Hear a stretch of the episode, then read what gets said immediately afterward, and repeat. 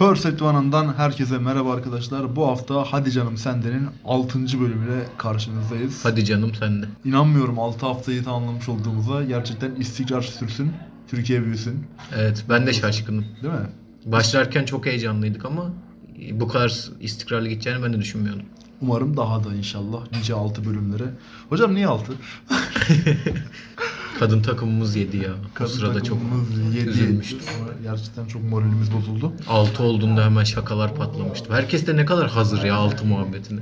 Ya öyle bir de şey ben Twitter'da gerçekten çok güldüm. Hani buna gülmek istemezdim ama bazı şakalara gerçekten çok güldüm. O gün timeline çok güzeldi. Şimdi bu hafta yine gündemimiz her zaman gibi yoğun. Ee, eski bölümlerimize referans veren bir konuyla gireceğim. Çaylarımıza gelmişken. Biz seninle yanılmıyorsam iki hafta önce bunu konuştuk. The worst person in the world. Aynen. Ben de ona gittim bu hafta. Çeşitli teşvikler neticesinde.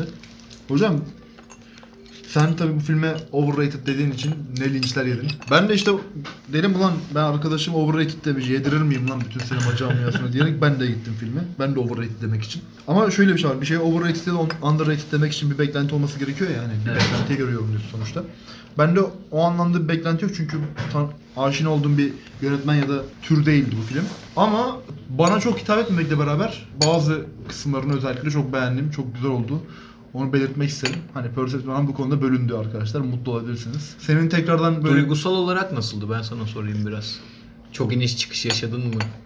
yaşadım şöyle oldu. Ben filmin artık bir yerde böyle şey noktasına gelmeye başladım. Ben de bir böyle yükselen bir grafikle başladı film. hı. Sonra düşüşe geçti. Orayla beraber bir eğlenceli komik birkaç sahne girmeye başladı. Geyik ve mantar diyeyim yani. O sahnelerde çok güldüm. Sonra ama sonundaki hikaye biraz hüzünlendirdi de.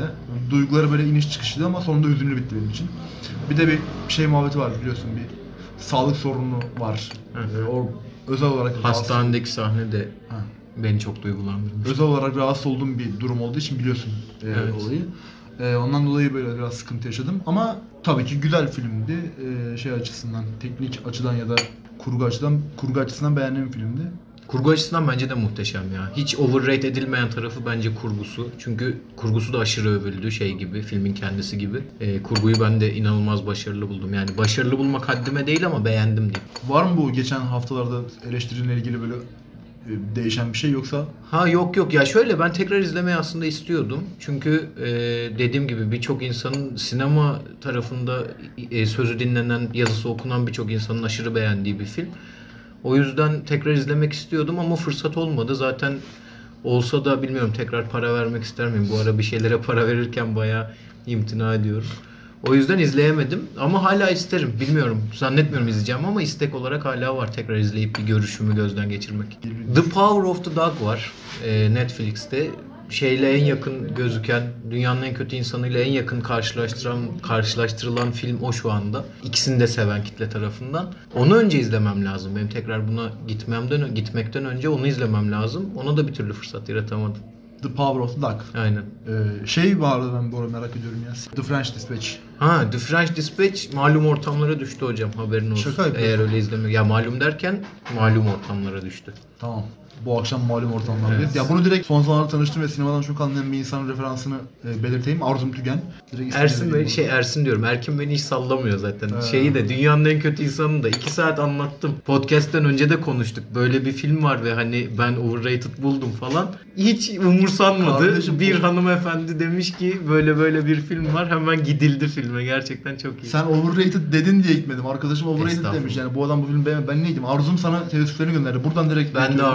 Arzu'ma teessüflerimi gönderiyorum ama galiba kendisi zaten en iyi filmi falan demedim demiş. 2021'in en iyi filmi dedin. Ha dedi. o muydu onu diye? Aynen. Ben de teessüf ediyorum. Twitter'da yazanlar onun Arzum değil diğerleri. Pardon. Ben insanlar. isimlere net hakim olmadığım için Twitter'da karıştırdım. da olay çıkardım filmle ilgili ya. Güzel etkileşim aldım. Bununla ilgili herhangi bir şey yazan olay çıkarıyor zaten Twitter'da. Ee, öyle bir durum.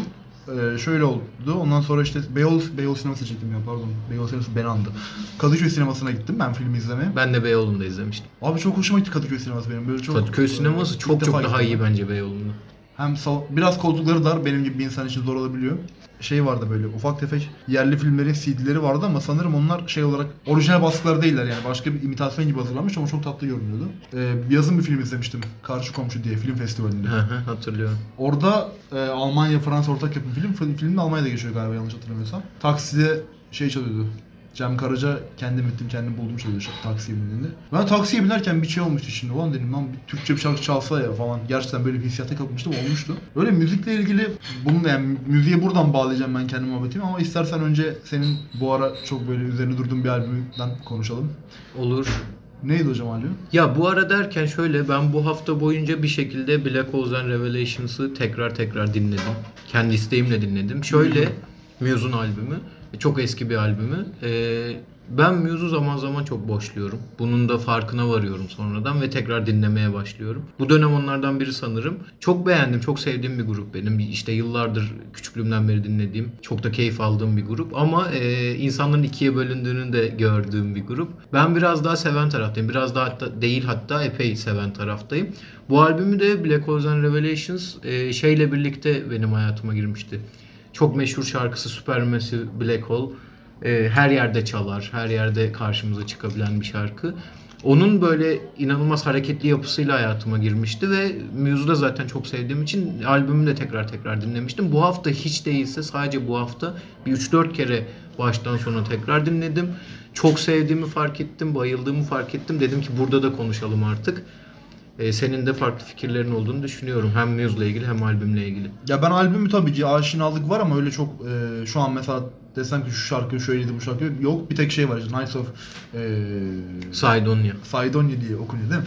O şarkıyı çok severim çünkü, çünkü şeydi Şarkının bende anısı var. Gitarda keşfetmiştim ben o şarkıyı. Gitar 3'te galiba bilgisayarda ve şey çok hoşuma gidiyor ona da böyle şey. Dı, dı, rı falan filan. Onu diyecektim. Zaten bana da sorsan mesela İbo bu albümden hangisi bana en çok hitap ediyordur diye ben de onu gösterirdim. Çok uyumlu olmuş yani sen. Melodik kısmı çok güzel. Müzikle ilgili ya şöyle bir şey var abi. Ben bir ara çok böyle çok sert metal müzik dinlenen arkadaş grubunun içinde olduğum dönemlerde ya şöyle bir eleştiri geçiyor. Ben bunu çok sevmediğim için.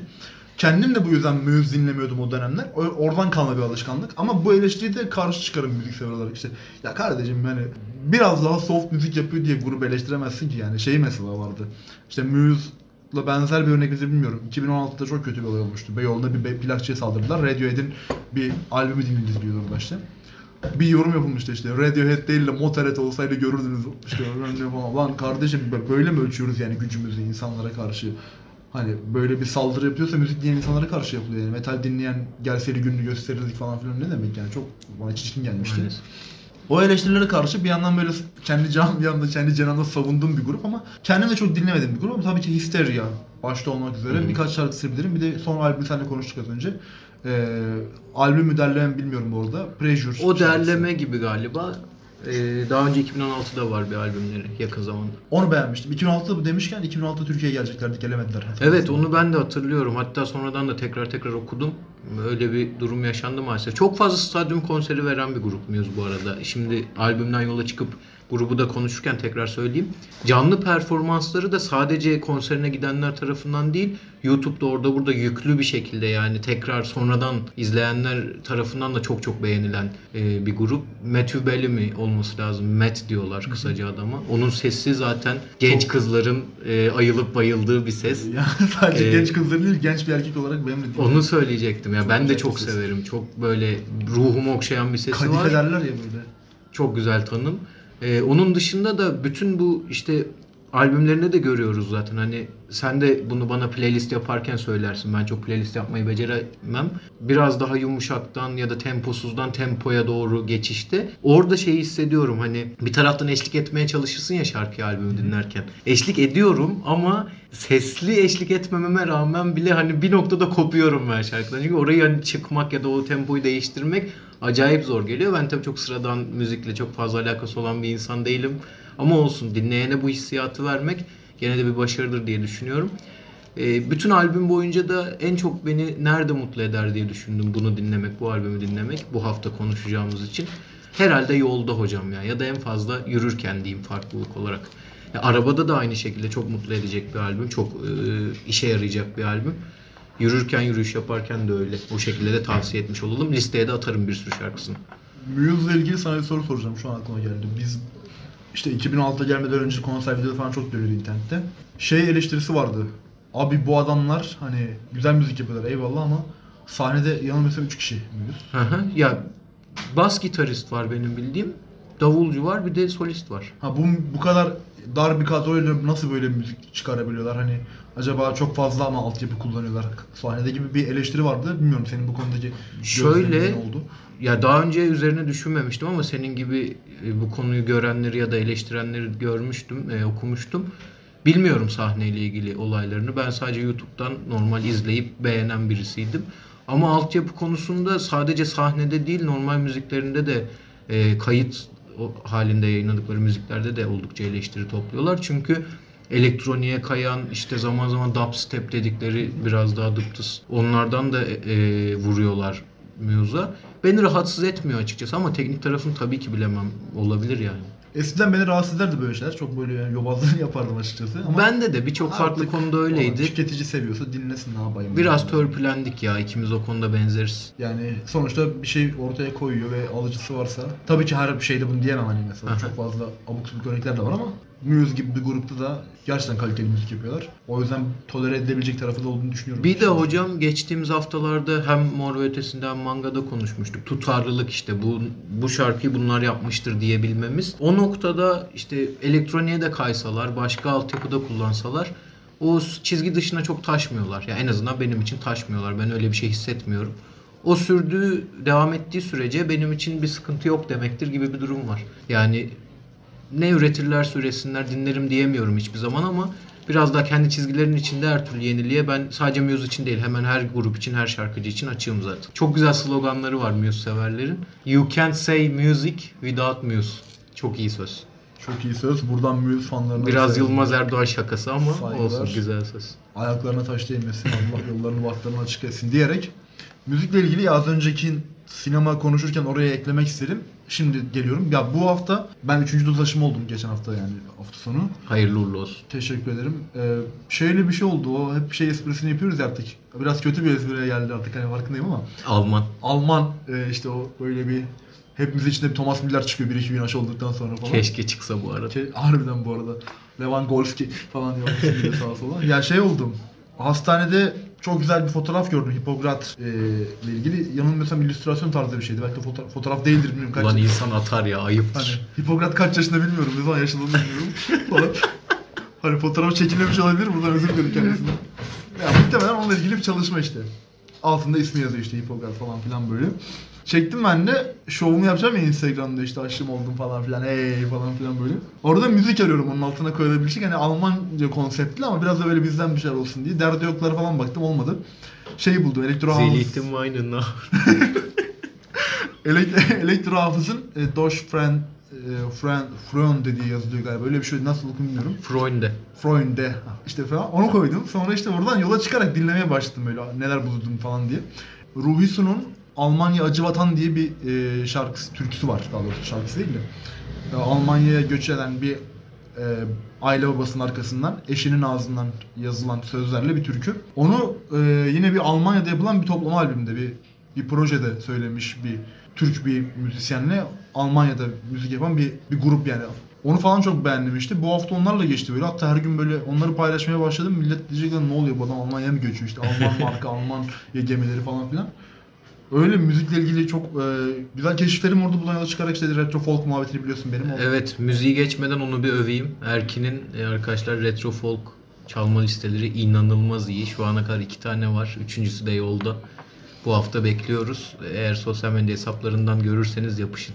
Teşekkür ederim. Öyle o moda Çok samimiyim bu arada. Hiç reklam için söylemedim. Ben bayılıyorum. Çok teşekkür. Ben de çok severim. Yani böyle birçok insana belki de hitap etmesi zor olabilir çünkü Evet. daha önce dinlemediyse çok zor sıfırdan bu kafaya girmek. Çünkü eski türküler ve açıkçası çok sanatsal diyemeyeceğimiz ama dönemin ruhunu yansıtan ve o dönem için popüler sayılacak kayıtlar. Benim için kafa dağıtmalık harika iki liste. Aynen. Dinlencesi çok keyifli olan listeler Aynen bunlar. öyle. Şeye girdim. Ruhisi demişken de Ruhisi Dostlar Korosu'nun albümü çıktı e, bu hafta. Bir 10 günün falan önce olmuştur belki. Böyle güzel konuk sanatçıların da olduğu, güzel Türklerin olduğu güzel bir albüm. Hani bu konu açılmışken ona değinmek isterim. Saygıyla anmak lazım. Çok büyük bir sanatçı. Müzikle ilgili söyleyebileceklerim bunlar. Yani bu hafta çünkü albüm falan dinleme şansım çok olmadı. Ee, O zaman şöyle yapalım istersen. Spor tarafına geçmeden benim de izlediğim bir yapım vardı bu hafta. Bu hafta bitirdim diyeyim aslında. Bu hafta izledim yanlış olur. Epeydir izliyordum. 8 bölümlük bir mini dizi Apache. La Vida de Carlos Tevez uzun ismi olması lazım. Şimdi İspanyolcamız yok ama nasıl okunduğunu Topçudur. bilmiyorum. Carlos Tevez evet çok iyi bir topçuydu. Ben de sana onu soracaktım. Senin hatıranda böyle nasıl canlanıyor? Yine yapıma geliriz de. Tevez Evet. hepimizin yakından bildiği bir futbolcu çünkü. Ya Tevez'i ben şeyden beri hatırlıyorum yanılmıyorsam. Abi çok saçma bir yerden hatırlıyorum ilk hatırlayışım. Pardon. Ya tabii ki biliyordum futbolcu olarak o zamanlar hani denk geliyordu Carlos Tevez iyi golcü. Manchester United gitmeden önceydi galiba. Ya da tabii önce olması lazım. 2006 Dünya Kupası'nda oynadı Arjantin'de Hı hı. O zaman bir şey muhabbeti vardı maalesef yani kötü bir e, söylem belki bu. Ama ben öyle hatırladığım için tırnak içinde söylüyorum. Ribery ve Tevez işte o zaman en çirkin futbolcular mı ne seçilmişler Hmm. olarak. Bir İkisinde de yanık var bu arada. yüzlerinde evet sakatlık var, yanık var falan filan. Kaza geçirmiş galiba Ribery. O öyle bir ilk adım duymuştum ben. Sonra işte Manchester United, Manchester City ve en son Juventus'ta maalesef kötü hatırlıyorum çünkü Galatasaray Juventus maçında ikinci maç galiba Ali Sami Yen'deki maçta Hı hı. sarı kart falan görmüş çok çirkef yani belki bize göre çirkef gelmişti. Çok sinirim bozmuştu benim. Ben o yüzden o gün içimi yağlar erimişti biz onları elediğimizde. Oradan beri de kendisini çok sevmem. Benden uzak olsun, yolu bahtı açık olsun Tevez kardeşim. Sen anladın. E, dizi de şöyle zaten bahsettiğin gibi ya Carlos Tevez'in o dönemler herkesin tanımaya başladığını biliyoruz ama Carlos Tevez'in daha erken çocukluğunu hatta doğumundan itibaren 84'ten alıp 2001'de Boca Juniors'la e, ilk maçına çıkana kadar götürüyor. Ama belgeselden uzak bir yapım onu söyleyeyim. Yani belgesel gibi duruyor ki ben de o niyetle başlamıştım. Ya bir şeyler öğretir bu yapım bana Carlos Tevez'le ilgili diye. Ondan biraz uzak tabii ki öğretiyor bir şeyler ama daha kurgusu ön planda. Sanki hiç Carlos Tevez'i tanımayan birinin e, çok daha fazla keyif alacağı bir dizi gibi. Çünkü benim için mesela bazı şeyler çok belliydi. Çünkü bir çocuk izliyoruz orada başrolde. Daha doğrusu ilk baş konu olarak, ana konu olarak diyeyim. Başrol olması çok önemli değil de. Ana konuda bir çocuğu görüyoruz ve o çocuğun nereye gideceği bende çok belli yani. Çünkü çok iyi tanıyoruz Carlos Tevez'i. Ama hiç tanımayan birisi için çok daha keyifli bir dizi olabilir. Ee, bir ufak eleştirim zaman zaman sıkıyor. Yani bazı konular çok çok uzun, uzun uzadıya anlatılmış. Onun dışında e, beğendiğimi söyleyeceğim.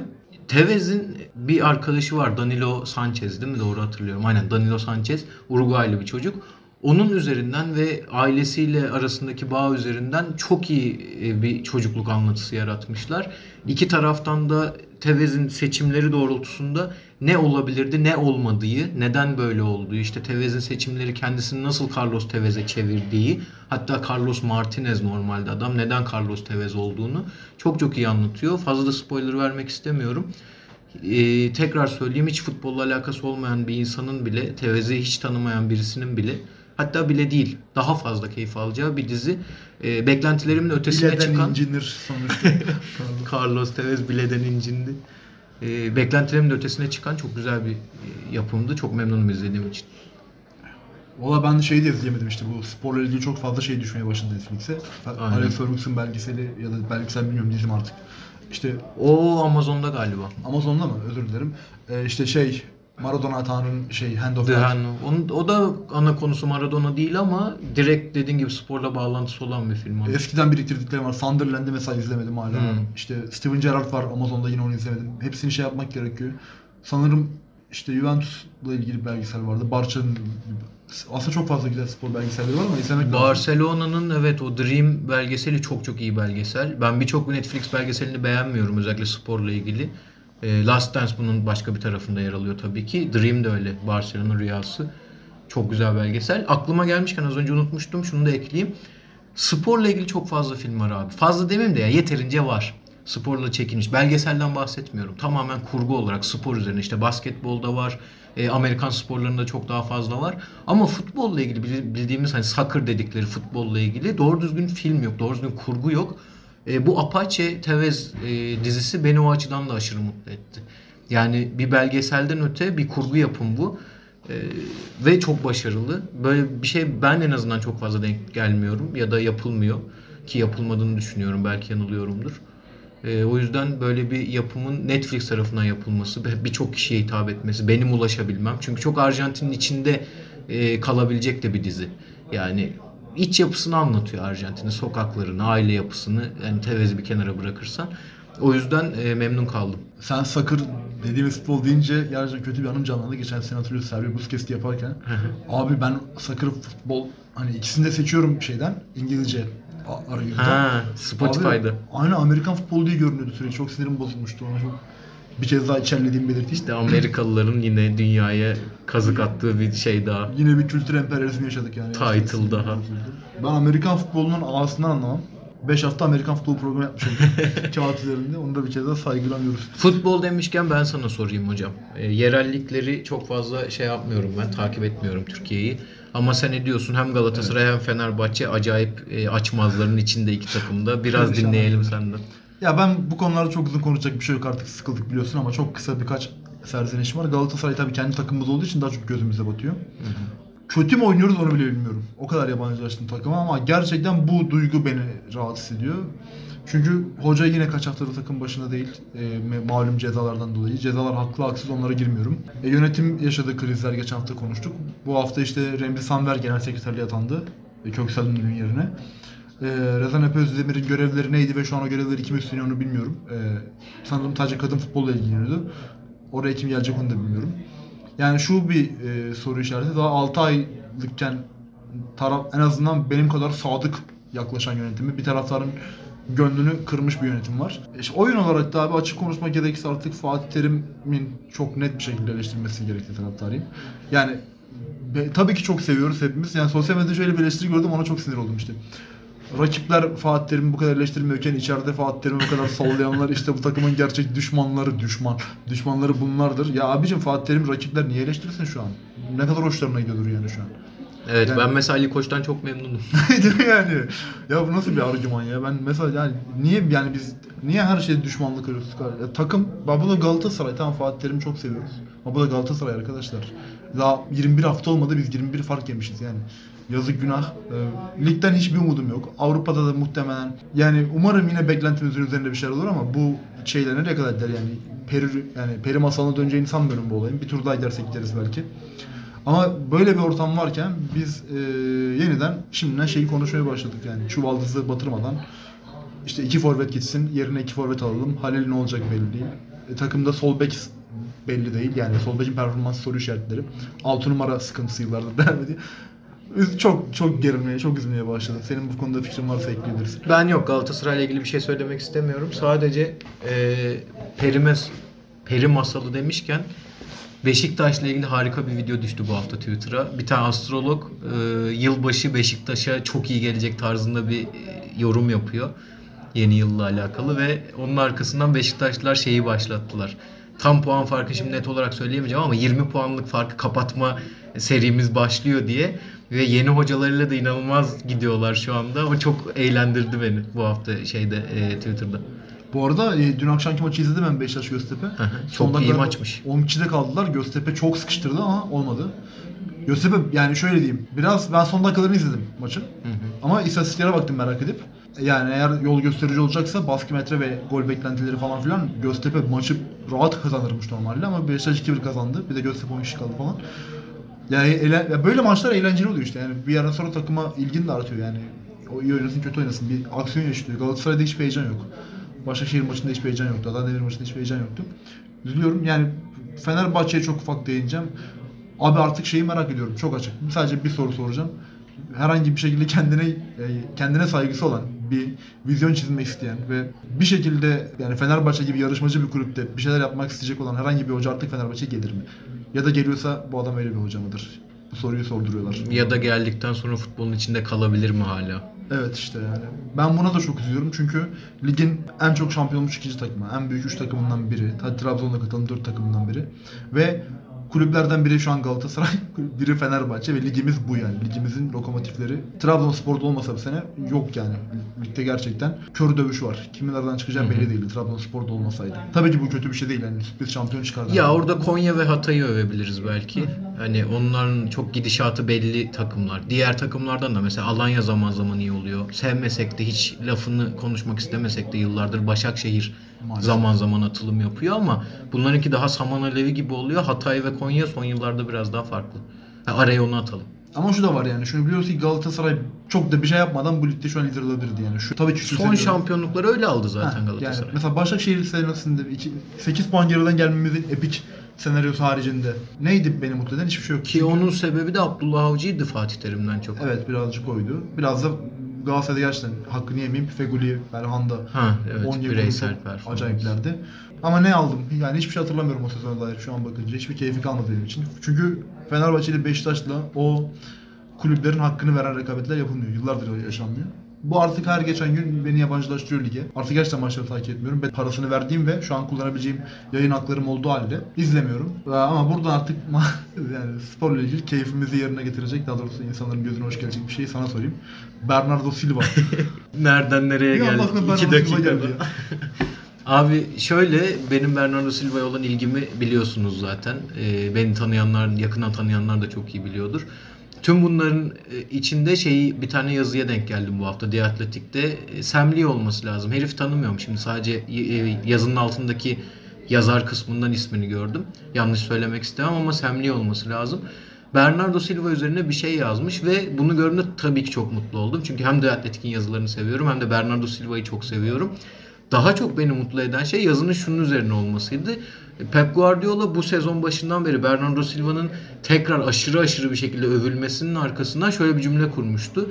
Bizim 99 puan topladığımız sezona bakın, inceleyin, analiz edin maçları tek tek. Bugünkü Bernardo Silva, o günkü Bernardo Silva'nın aynısı. Tek bir fark yok demişti.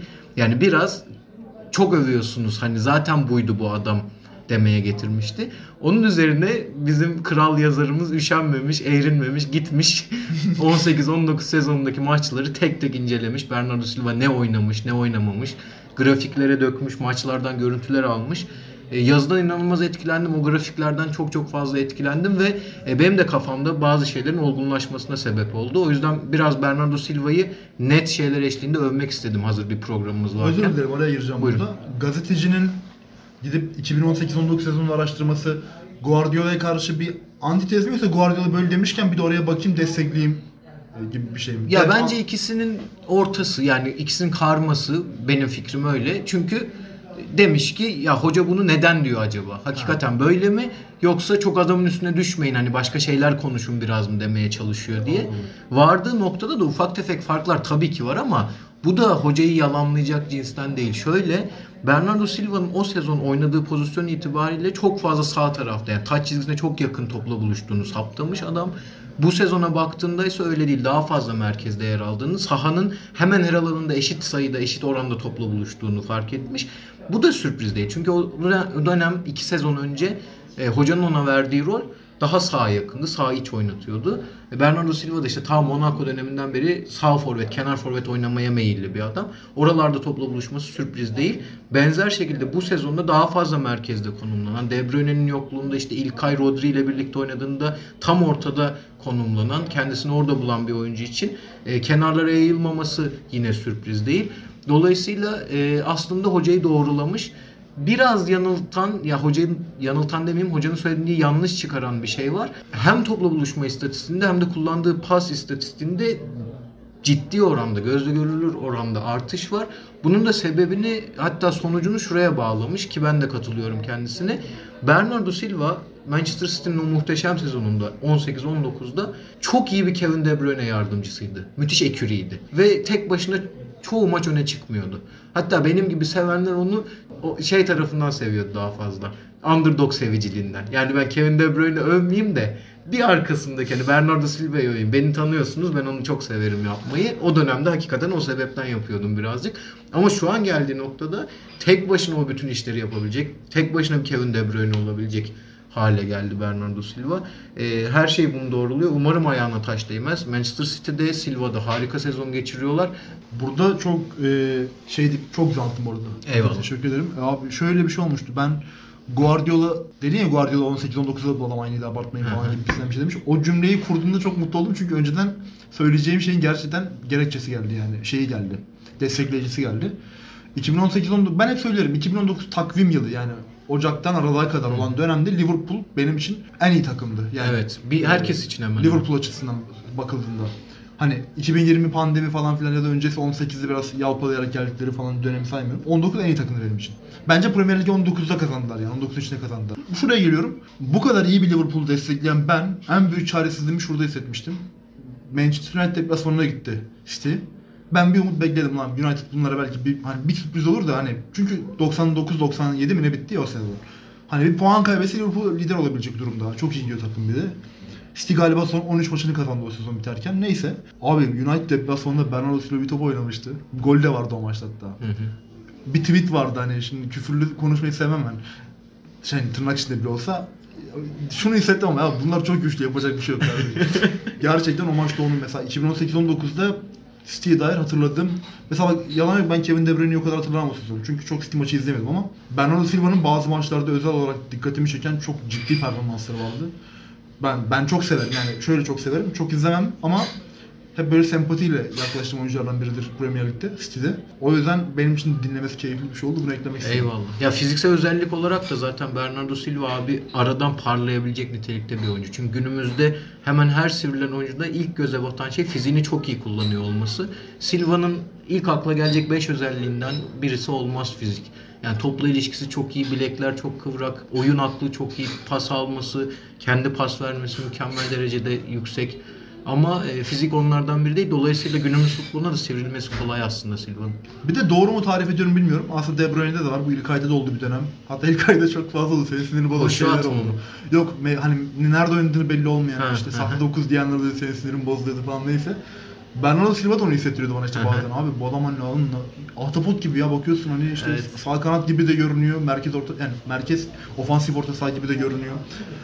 Sahte forvet demeyeyim ama hani forvet arkasından gelip gol Aynen. katkısı yapan oyuncu ki United maçında attığı gol gerçekten çok güzel. Hala aklımdadır o gol benim. Biraz Guardiola Değişik. etkisi hocam o da. Yani ben Guardiola'nın oyununu her zaman şey diye anlatıyorum, anlatmam gerektiği zaman. 4-1 her neyse.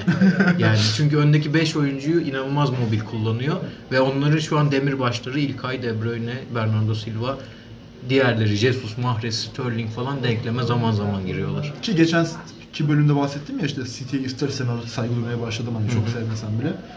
Biraz sebep bu. Çünkü Guardiola gerçekten çok makine gibi bir oyun. Tabii ki. Ya çok sofistike bir futbol oynatıyor. Bunu övmek için söylemiyorum. Bu bence övgü cümlesi değil. Bu acayip kötü sonuçlara da sebep olabilir bu. Hatta belki görürüz olduğunu yakın zamanda da. Ama çok sofistike üzerine düşünülmesi gereken izleyicinin değil bence. Bizim çok işimiz yok. İsteyen düşünür de bütün hocaların şu an aktif teknik direktörlük yapan hemen herkesin Klopp dahil başkası dahil bunu da yüksek bir yere koymak için demiyorum. Anlamak için merak etmesi gereken e, bir oyun oynatıyor. Ki ilginçtir mesela çok kısa değineceğim burayı uzatmamak için de Barcelona da böyle değil değil mi mesela Guardiola? Daha sabit sanki Barcelona. Ya biraz azından daha o zaman City'ye göre. pişiyordu sanki. e, kendi kafasındaki Ya şeyler. da Barcelona'nın kadrosu mu öyle de bilmiyorum. Daha onun daha sabit Yo olduğunu mesela. ben onu düşünmüyorum. Var var. Genel olarak kadroları çok müsaitti Guardiola'nın Gerçi kullandığı orada da. hanesi açık falan. Özgüven hocam. Özgüveni şu an top seviyede hocanın. Hem yıllardır takımın başında hem de e, tam istediği oyuncu grubuna sahip. Çok kısa şeyi ekleyeyim. Artık uzamasın gerçekten bir daha ben ekleme yapmayacağım. Harry Kane iyi ki gelmemiş Manchester City'ye bu sezon özelinde. Ya ben forvetsiz Manchester City'yi, Santrfors'uz Manchester City'yi çok beğeniyorum bu sezon. Bakalım hocam. Yani gerçekten çok büyük hoca. Hiçbir şey değil. Aynen. Saygım sonsuz. Ellerinden öperiz. Ee, hatta bir ara- Kelinden öpüyorum ya ne eli. Bir ara, Kelinden bir ara öpüyorum. maçını izleyeyim şu an canım çekti hatta. Geçen mesela Rodri'nin golü çok güzeldi o maçlarından biri. Öyle o zaman Perfect One'da yine dolu dolu bir programın sonuna Çok geldik. güzel oldu. Dinleyen herkese teşekkür ederiz. Ben, ben onu şimdi çok keyifli oldu benim için bu arada. Aynen. Acayip Biz spor konuşmayı çok özlüyoruz ya. futbol menajer oynayasım geldi şu an eve gidip. Öyle teşekkür ederiz. Hadi canım siz de. Kendinize iyi bakın. İyi bakın görüşürüz.